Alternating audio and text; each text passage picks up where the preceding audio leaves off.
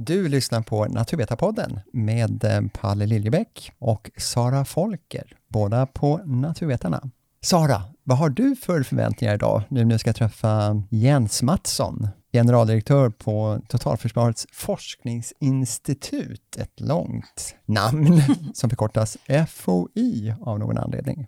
Ja, men vi lever ju i en orolig tid nu med kriget i Ukraina och eh, hur kan det liksom komma att påverka oss? Vi släpper in Jens här på en gång så får vi se. Jag gissar att han kommer att kunna ge riktigt bra svar på detta. Ja, välkommen, välkommen in.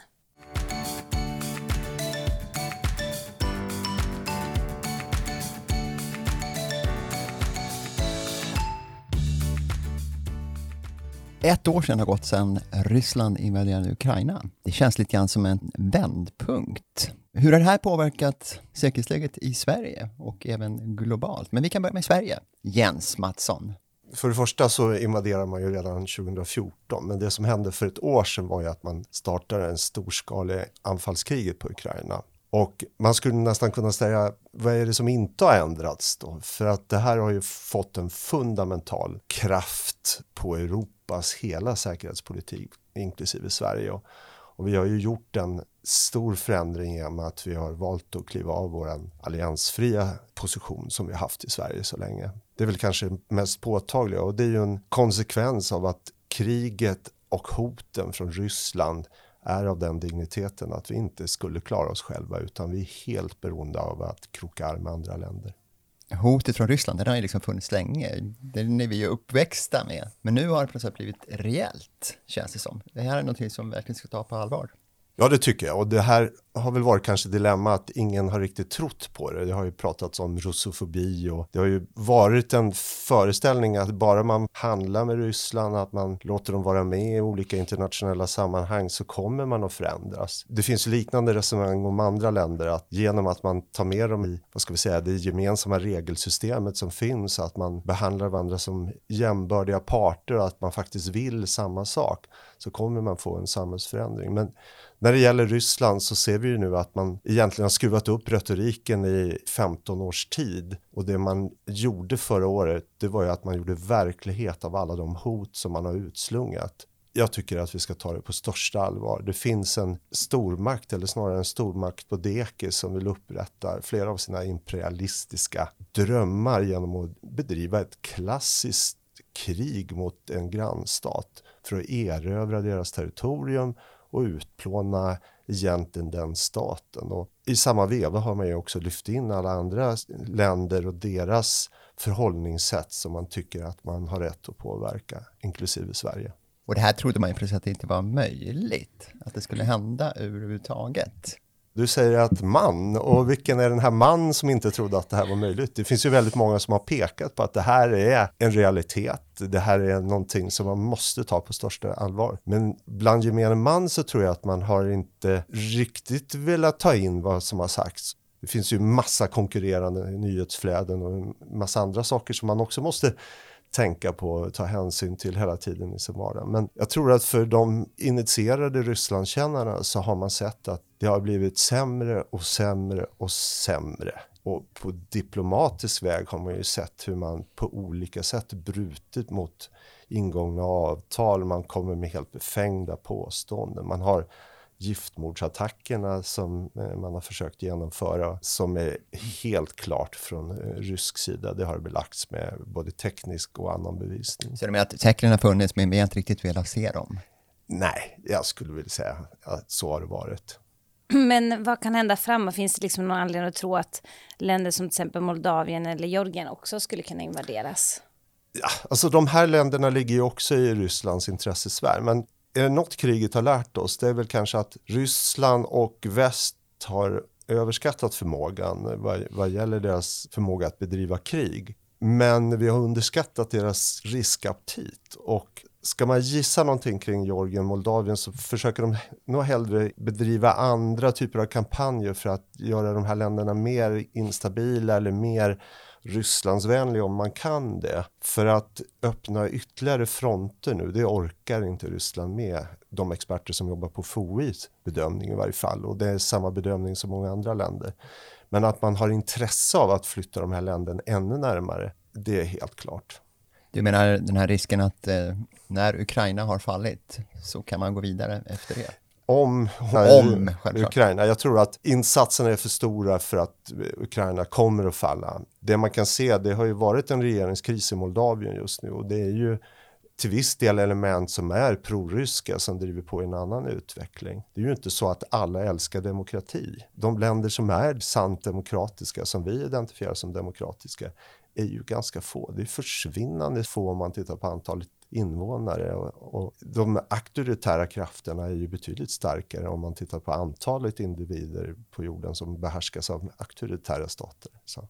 Och trenden går mer och mer åt det hållet. Vi ser Ungern nu till exempel det finns ju tendenser i, i, att den här, vad ska vi säga, önskan av en stark man oftast, för förefaller det ju vara, är, är ganska påtaglig i vissa länder. Och det, det, här är ju krafter som är villiga kanske att gripa till metoder som inte vi eh, vare sig ställer oss bakom eller tycker är särskilt värdiga att använda. Men eh, man får titta på de här demokratiindex och det, de som gör bedömningar om hur det ser ut. Men jag skulle nog säga spontant att demokratin har fått sig en knäck i rätt många länder. Det finns ju andra hot än militära mot Sverige. Jag tänker på eh, cyberattacker, politisk påverkan. Och där jobbar ni ganska intensivt med att förebygga?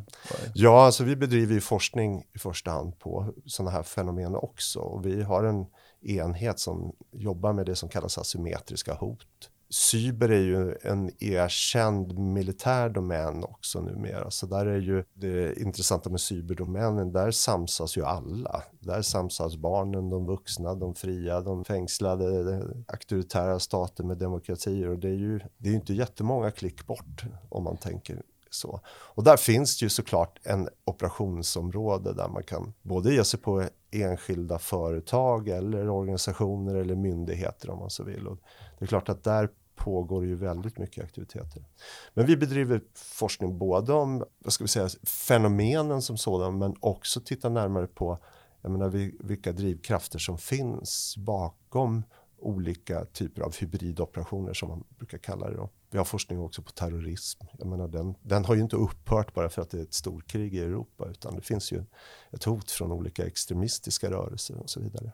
Vad har ni för worst case scenario när det gäller cyberattack? Jag tänker på de elsystemen, att de skulle kunna mm, attackeras, eh, även IT-systemen förstås, vilket de har gjort till och från, kärnkraftverken till exempel också jag skulle vilja säga som så att vi har väl inga kanske worst case scenarier som vi har diskuterat på det sättet utan det man kan se det är ju att betalningssystemen går ner på olika sätt.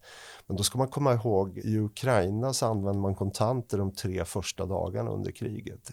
Sen är det digitala betalningsmedel som har varit det som dominerar. Av den enkla anledningen är det mycket lättare att hantera än att flytta kontanter det är klart om, om vi får allvarliga störningar av betalningssystemen. Var det 2018 eller 2019 som vi hade den här attacken som drabbade Coop till exempel. Det var ju inte riktad mot Coop utan det var ju i en annan del av kedjan men det gjorde, omöjliggjorde ju för dem att öppna sina affärer för att de kunde inte ta betalt för sina varor. Och det är klart att skulle flera livsmedelsaffärer drabbas på samma sätt då hamnar vi ju snabbt i en kris i Sverige också. Men värsta scenarierna, det tror jag inte vi på det sättet diskuterat, utan då är det mycket mer våldsamt. Ja, men då är det ett väpnat angrepp på Sverige mm, istället. Mm, mm. Och det vågar man knappt tänka på överhuvudtaget, eller finns det liksom en beredskap även för det? Det vi har tittat på, det är ju liksom vilka delar av systemen som, som man behöver börja jobba med och tittar också på sårbarheterna. Var, vad kan man göra för att få till exempel transportsystemet att fungera bättre? Transportsystemet är ju någonting som både förflyttar livsmedel, läkemedel, det förflyttar individer och så vidare. Så vi bedriver till exempel ett stort projekt på hur trafiken eller hur, hur transporter skulle kunna göras på ett effektivt sätt under höjd beredskap och krig. Men vet du det, har det, om man jämför liksom med för två år sedan och så tänker vi för ett år sedan när Ukraina invaderades, har det blivit liksom stor skillnad på hur ni arbetar? Att man, alltså kanske, att man liksom arbetar ja, på ett annat sätt eller ja, har andra alltså, fokusområden kanske? Ja, alltså vissa saker om vi tittar på de frågor som vi får från våra uppdragsgivare, det är ju i första hand regeringen, Försvarsmakten, Försvarets materielverk, MSB och ett antal andra det är ju att man vill ha svaren mycket närmare. Man vill ha här och nu. Mm. Ge oss svaren här och nu. Vad gäller här och nu? Det kan gälla tekniska system som Försvarsmakten vill ha en utvärdering, titta, leta efter vad det här för förmågor och så vidare. Medan tidigare har vi haft den mer långsiktiga forskningen i första hand och kunskapsuppbyggnaden och haft en balans mellan det här att vi tappar av kunskapen och att vi bygger upp ny framtida kunskap. Och nu är ju nu har vi dragit reglaget lite hårt kanske till eh, kunskapsavtappande, men vi har inget val. Den här kunskapsuppbyggande delen, den kommer, men vi har dragit ner lite på det för att kunna avtappa det. Mm. Så jag ställer lite nya krav på FOI också då, kompetensmässigt. Jag har ju sett att ni varit ute och sökt rätt mycket folk. Ja, ja men det är klart att jag Och inte bara naturvetare utan även civilingenjörer, eller kanske i omvänd ordning. Vi söker ju brett eh, naturvetenskapligt tekniskt, det, mm. det, gör vi och vi vill ju ha, som några av cheferna brukar säga, vi vill ha smarta människor och sen så ibland struntar man ju vad de har för etikett på sig. Det är klart att vi hade ju en annons förra året som, där vi sökte en raketforskare. Och det är klart att då vill vi ju ha någon som vet någonting om raketfysik helst mm. när vi mm. söker dem. Men vi söker väldigt brett.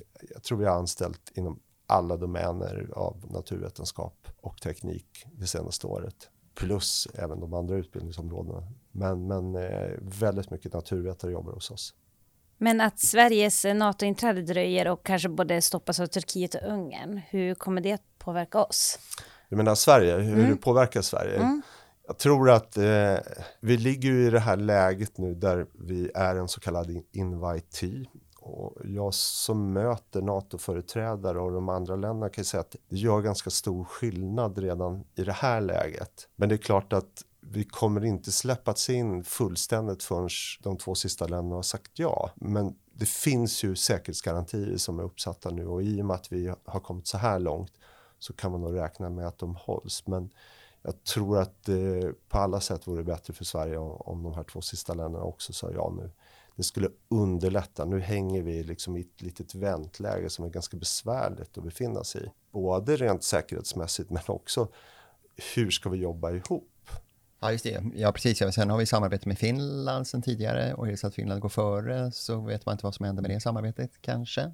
Man ska ju komma ihåg att Finlands ställningstagande har varit helt avgörande. Sverige tog ju hänsyn efter andra världskriget till Finlands väldigt känsliga position och risken att Finland hade dragits in i det som senare blev Warszawapakten om Sverige hade valt att gå med i NATO där. Så att jag skulle vilja säga så här, kliver Finland in, då kommer man ju att gå all in i NATO. Och det är klart att ska man ha speciallösningar, ska man göra något på något annat sätt med Sverige, det, det kommer man inte orka med. Utan då måste NATO gå före. Och, och, samtidigt har vi ju i Sverige anpassat oss så pass mycket så att vi ska ju kunna fortsätta jobba med Finland, men då i NATO-kontextet i första hand. Sen delar vi gräns, vi delar historia och så vidare som gör att det underlättar i samarbetena. Men för ett annat grannland, Norge, så kan jag säga att i och med att vi klev in med en ansökan till NATO så är de lättade. De är otroligt lättade när det gäller folk som jobbar med försvar och säkerhet där. Och jag tror inte vi har förstått liksom den här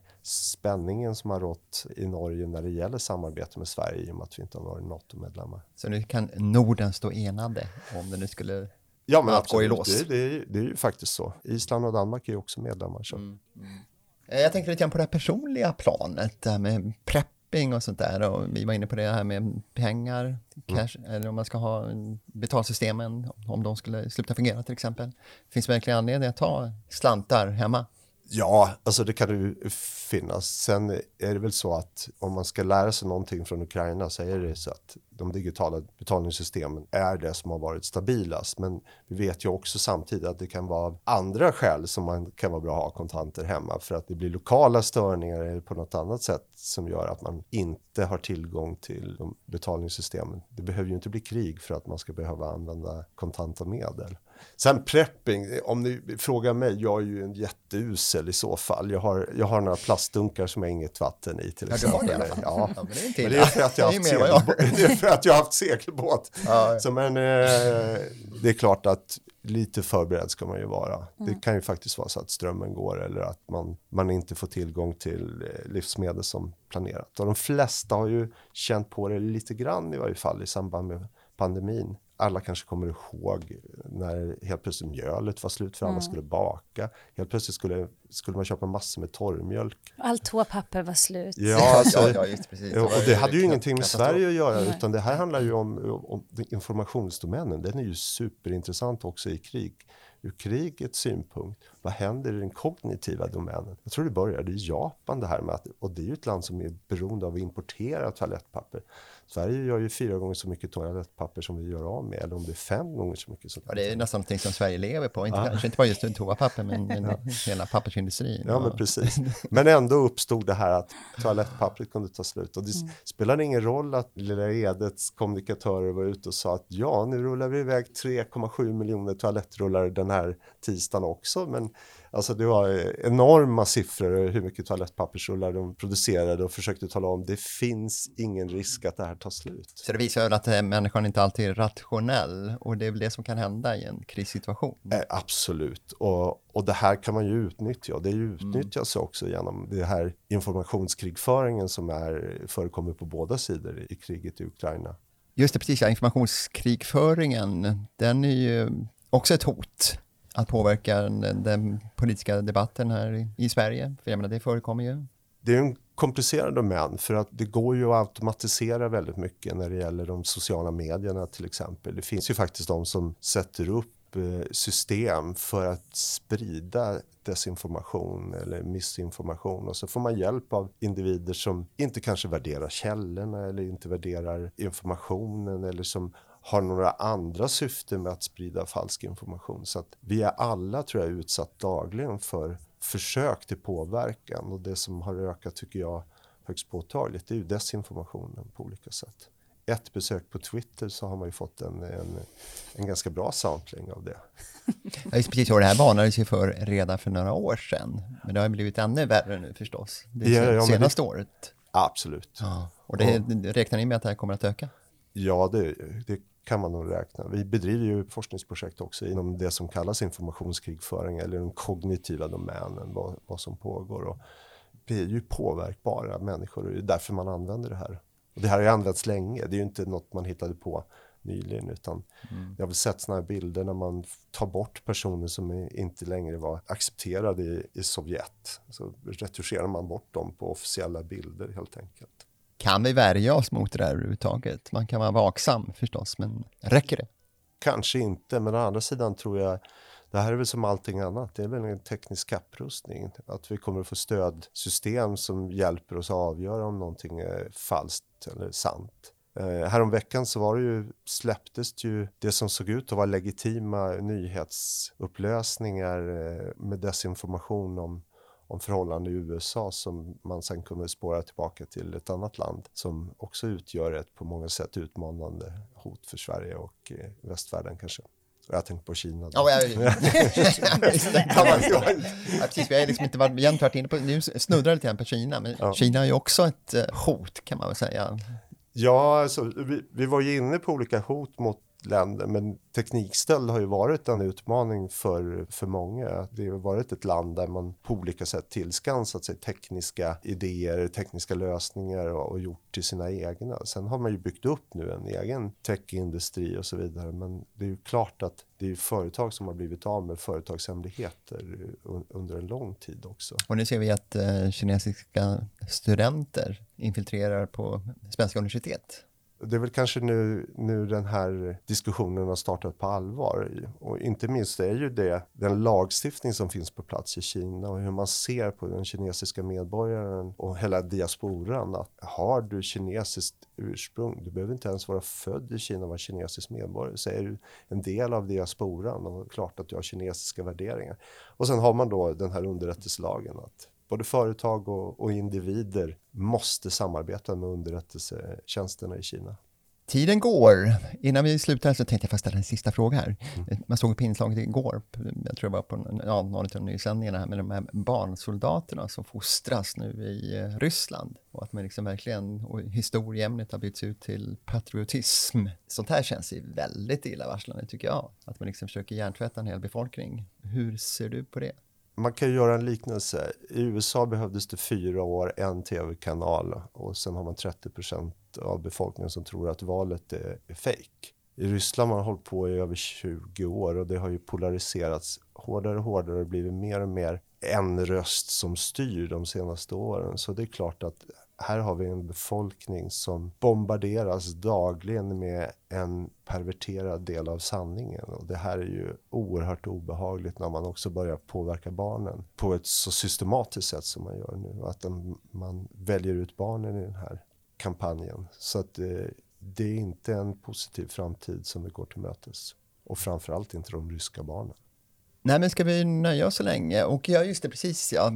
Sammanfattningsvis kan man säga någonting om att eh, vi ska vara, vi ska inte vara rädda, men vi ska vara vaksamma. Ja, men det tycker jag är väldigt bra. Vi ska inte vara rädda, vi ska vara vaksamma, vi ska inte vara naiva, Nej. utan vi ska faktiskt också förstå att alla resonerar inte som, som vi, eller som du, mm. eller jag, utan att det finns andra värdesystem som inte nödvändigtvis vill oss väl.